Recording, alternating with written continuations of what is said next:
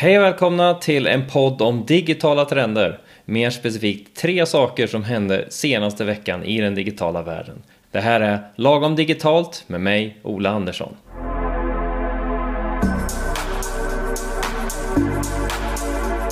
Den här veckans tre saker. Facebook satsar på dataportering till andra plattformar.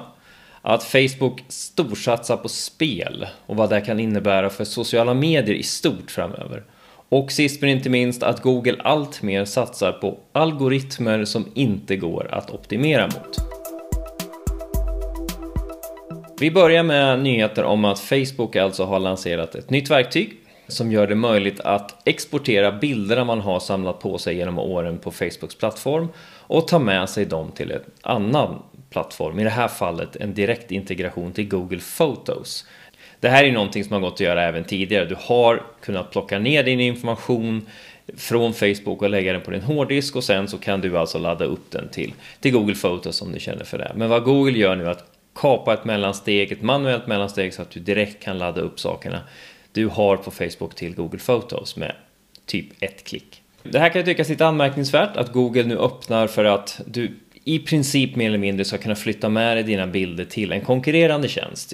Inte minst som Google i den här veckan också lanserade en chattfunktion inne i just Google Photos. Så Google har ju alltså så att säga börjat konkurrera med Facebook på chattsidan. Ett nytt försök från Google att konkurrera med Facebook. Men det här är egentligen en del av ett initiativ som påbörjades sedan 2018 när ett antal stora techjättar, Facebook, Google, Microsoft, Apple, gick samman och sa att det ska bli lättare att flytta information mellan tjänster online. Ett, ska vi säga, motsvarighet till öppen data-initiativ på banksidan där det ska bli lättare att flytta med sig sin bankinformation mellan olika banker, med sänka trösklarna på det området. Det här är alltså tänkt göra samma sak. Du har påbörjat ditt digitala liv i en plattform men vill kunna ta med dig till en annan plattform och fortsätta där eller ha det på flera ställen. Det Facebook nu gör är ju alltså ännu ett initiativ drivet av, ja, ska man säga GDPR, alltså EUs initiativ till eh, integritet på nätet. För det är ju ingen slump att samarbetet mellan techjättarna initierades just 2018, året när GDPR rullades ut. Det här är ju en del av kravet kan man säga i GDPR var att det ska bli lättare just att flytta information mellan olika tjänster och inte bara att det ska bli lätt att tanka ner informationen från en plattform till sin hårddisk eller sin telefon och titta på den där. Facebooks dataportering kommer nu inledas på Irland och sen kommer det rullas ut eh, till fler länder men det är tänkt att även rullas ut globalt precis som funktionen att kunna ladda ner sin data.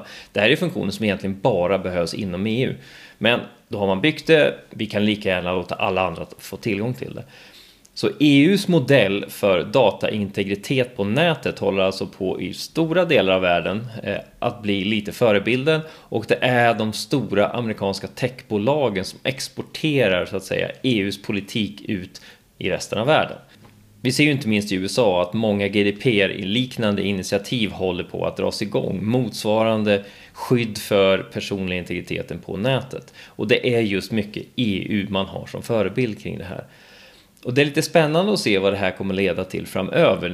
För även om vi kan tycka att GDPR i sig har gjort att vi har fått ännu fler kryssrutor vi ska bocka för och det ska ju gudarna veta att det finns ju förmodligen smartare sätt att hantera det här lite mer pragmatiskt. Det som kommer bli spännande att se med det här framöver är förstås vilket genomslag den här typen av lagstiftning kommer få i andra delar av världen, inte minst i USA som förmodligen är de som kommer gå först efter Europa.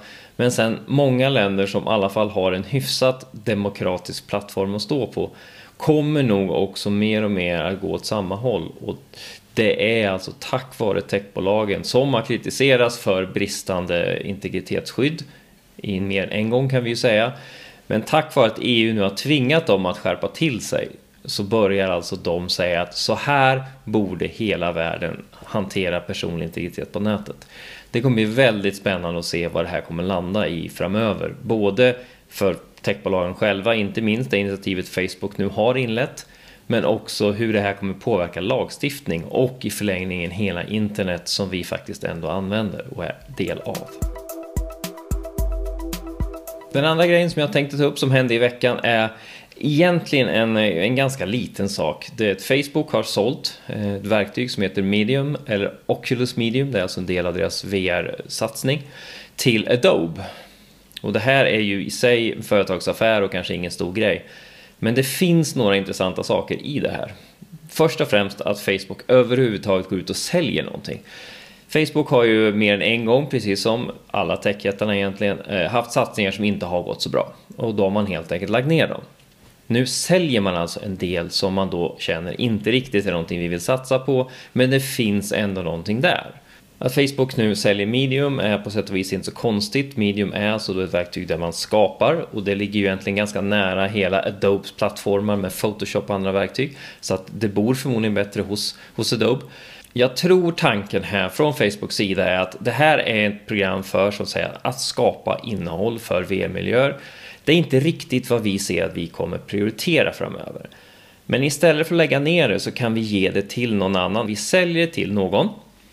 Då får vi pengar för det. Det är ju bra i sig. Men jag tror den långsiktiga tanken här är att vi säljer någonting vi inte kommer satsa på till någon annan som kan vidareförädla den här produkten och sen i förlängningen göra att det kan driva trafik tillbaka till våra tjänster och våra produkter. Om det här verktyget blir jättebra under Adobe så kommer fler då kanske kunna använda Oculus-verktyg och Oculus-hårdvara för att arbeta med det här verktyget.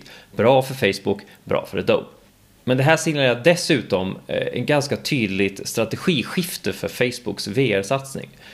När Facebook lanserade sin, sitt VR-initiativ så handlade det mycket om egentligen att bygga vidare på kärnverksamheten. Det var det sociala, det handlade om att hänga tillsammans fast i en virtuell VR-miljö istället för att scrolla i nyhetsflödet eller Insta i takt med att det har visat sig att ja, men du kommer fortfarande krävas ganska mycket hårdvara för det här och det är inte någonting vi sitter och gör till vardags. Framför allt inte som en stor del förstås av vårt digitala liv numera sker i mobilen. Vi vill inte släppa med oss ett headset för att kunna sitta och titta på avatarer av våra vänner när vi sitter på bussen. Det är inte riktigt, vi är inte där än i alla fall. Så vad Google har gjort senaste åren, eller senaste året nästan egentligen, är att vrida om sin satsning nu från att gå mot konsument och någon form av sociala produkter till två ganska tydliga kategorier av användare.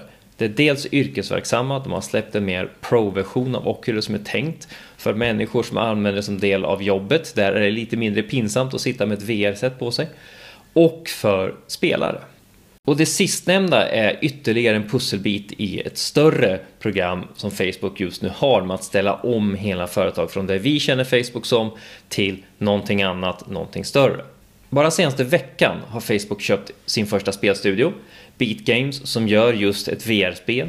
Och de har dessutom lyckats locka över två stycken högprofilerade twitchare till sin satsning Facebook Gaming.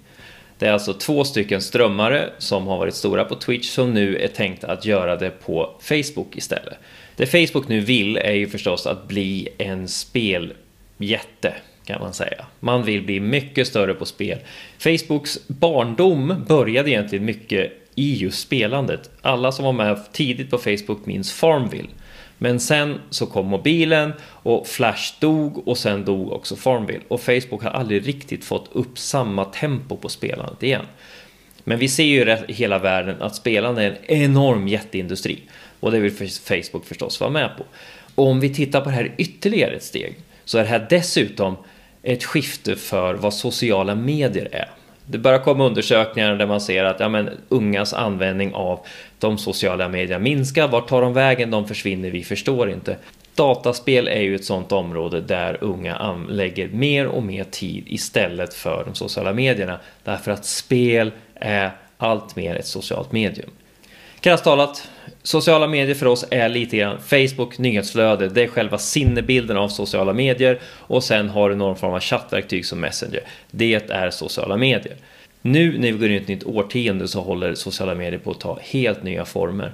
Och Facebook ser att ja, spel är där många kommer vara, där måste vi också vara och då tänker man att vi ska också vara med och driva fram och driva på hela det här segmentet. Och det här kommer förstås bli jätteintressant att se hur mycket kommer Facebook satsa på sina spel? Hur mycket Facebook-brandade spel kommer vi se? Hur många av dem kommer man kunna spela på andra plattformar? Facebook kämpar lite halvdesperat ibland på att minska beroende på sin annonsering som i praktiken är 100% av intäkterna. Skulle man få snurr på spelandet även på andra plattformar så skulle man ju ha både ett sätt att kunna följa med i sociala medier för åtminstone nästa årtionde plus att hitta externa intäktskällor som inte är beroende på att användarna hänger hos Facebook i Facebooks tjänster. Det kommer bli jättespännande att se vad det här kommer ta vägen framöver. Sist men inte minst tänkte jag prata om BERT.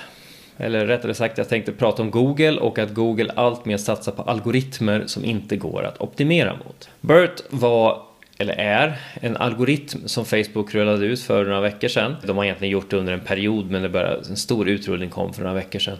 Det handlar helt enkelt om att Googles algoritm blir allt bättre på att förstå sammanhang och förhållanden mellan orden blir helt enkelt ännu bättre på att förstå vad vi menar när vi söker och inte absolut vad vi skriver.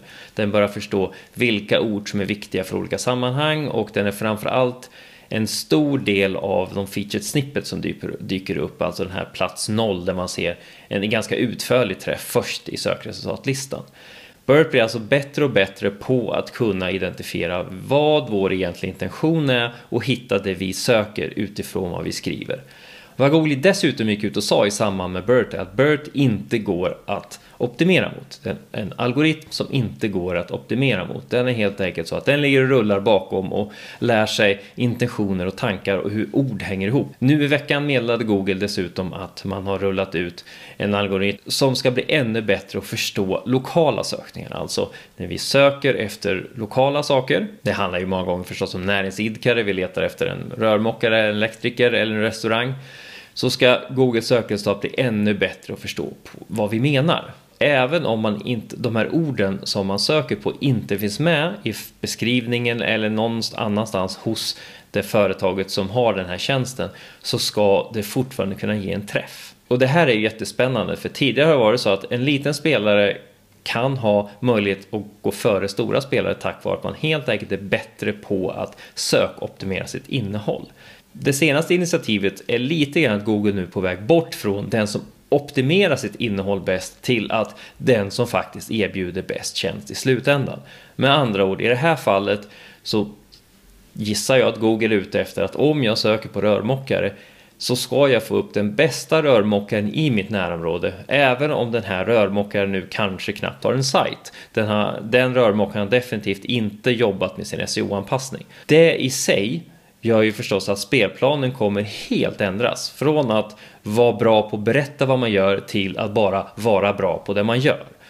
Och det här är ju jättebra för många småföretagare. Det är de så mycket som Google värnar om. Att man inte längre måste lägga ens den tiden på sin online-närvaro. Google fixar det åt er. Se bara till att fylla i lite basinformation och att överhuvudtaget ett Google-konto så gör Google resten. Men sen har vi ju nästa förlängning för någonstans måste ju Google ändå hämta sin information ifrån och Google vill förstås också tjäna pengar. Så vad det här kan i förlängningen innebära är ju att det kommer finnas två sätt att faktiskt, det, vi ser ju det redan idag men det kommer ännu mer kunna bli så framöver. Det finns två sätt att synas på Google.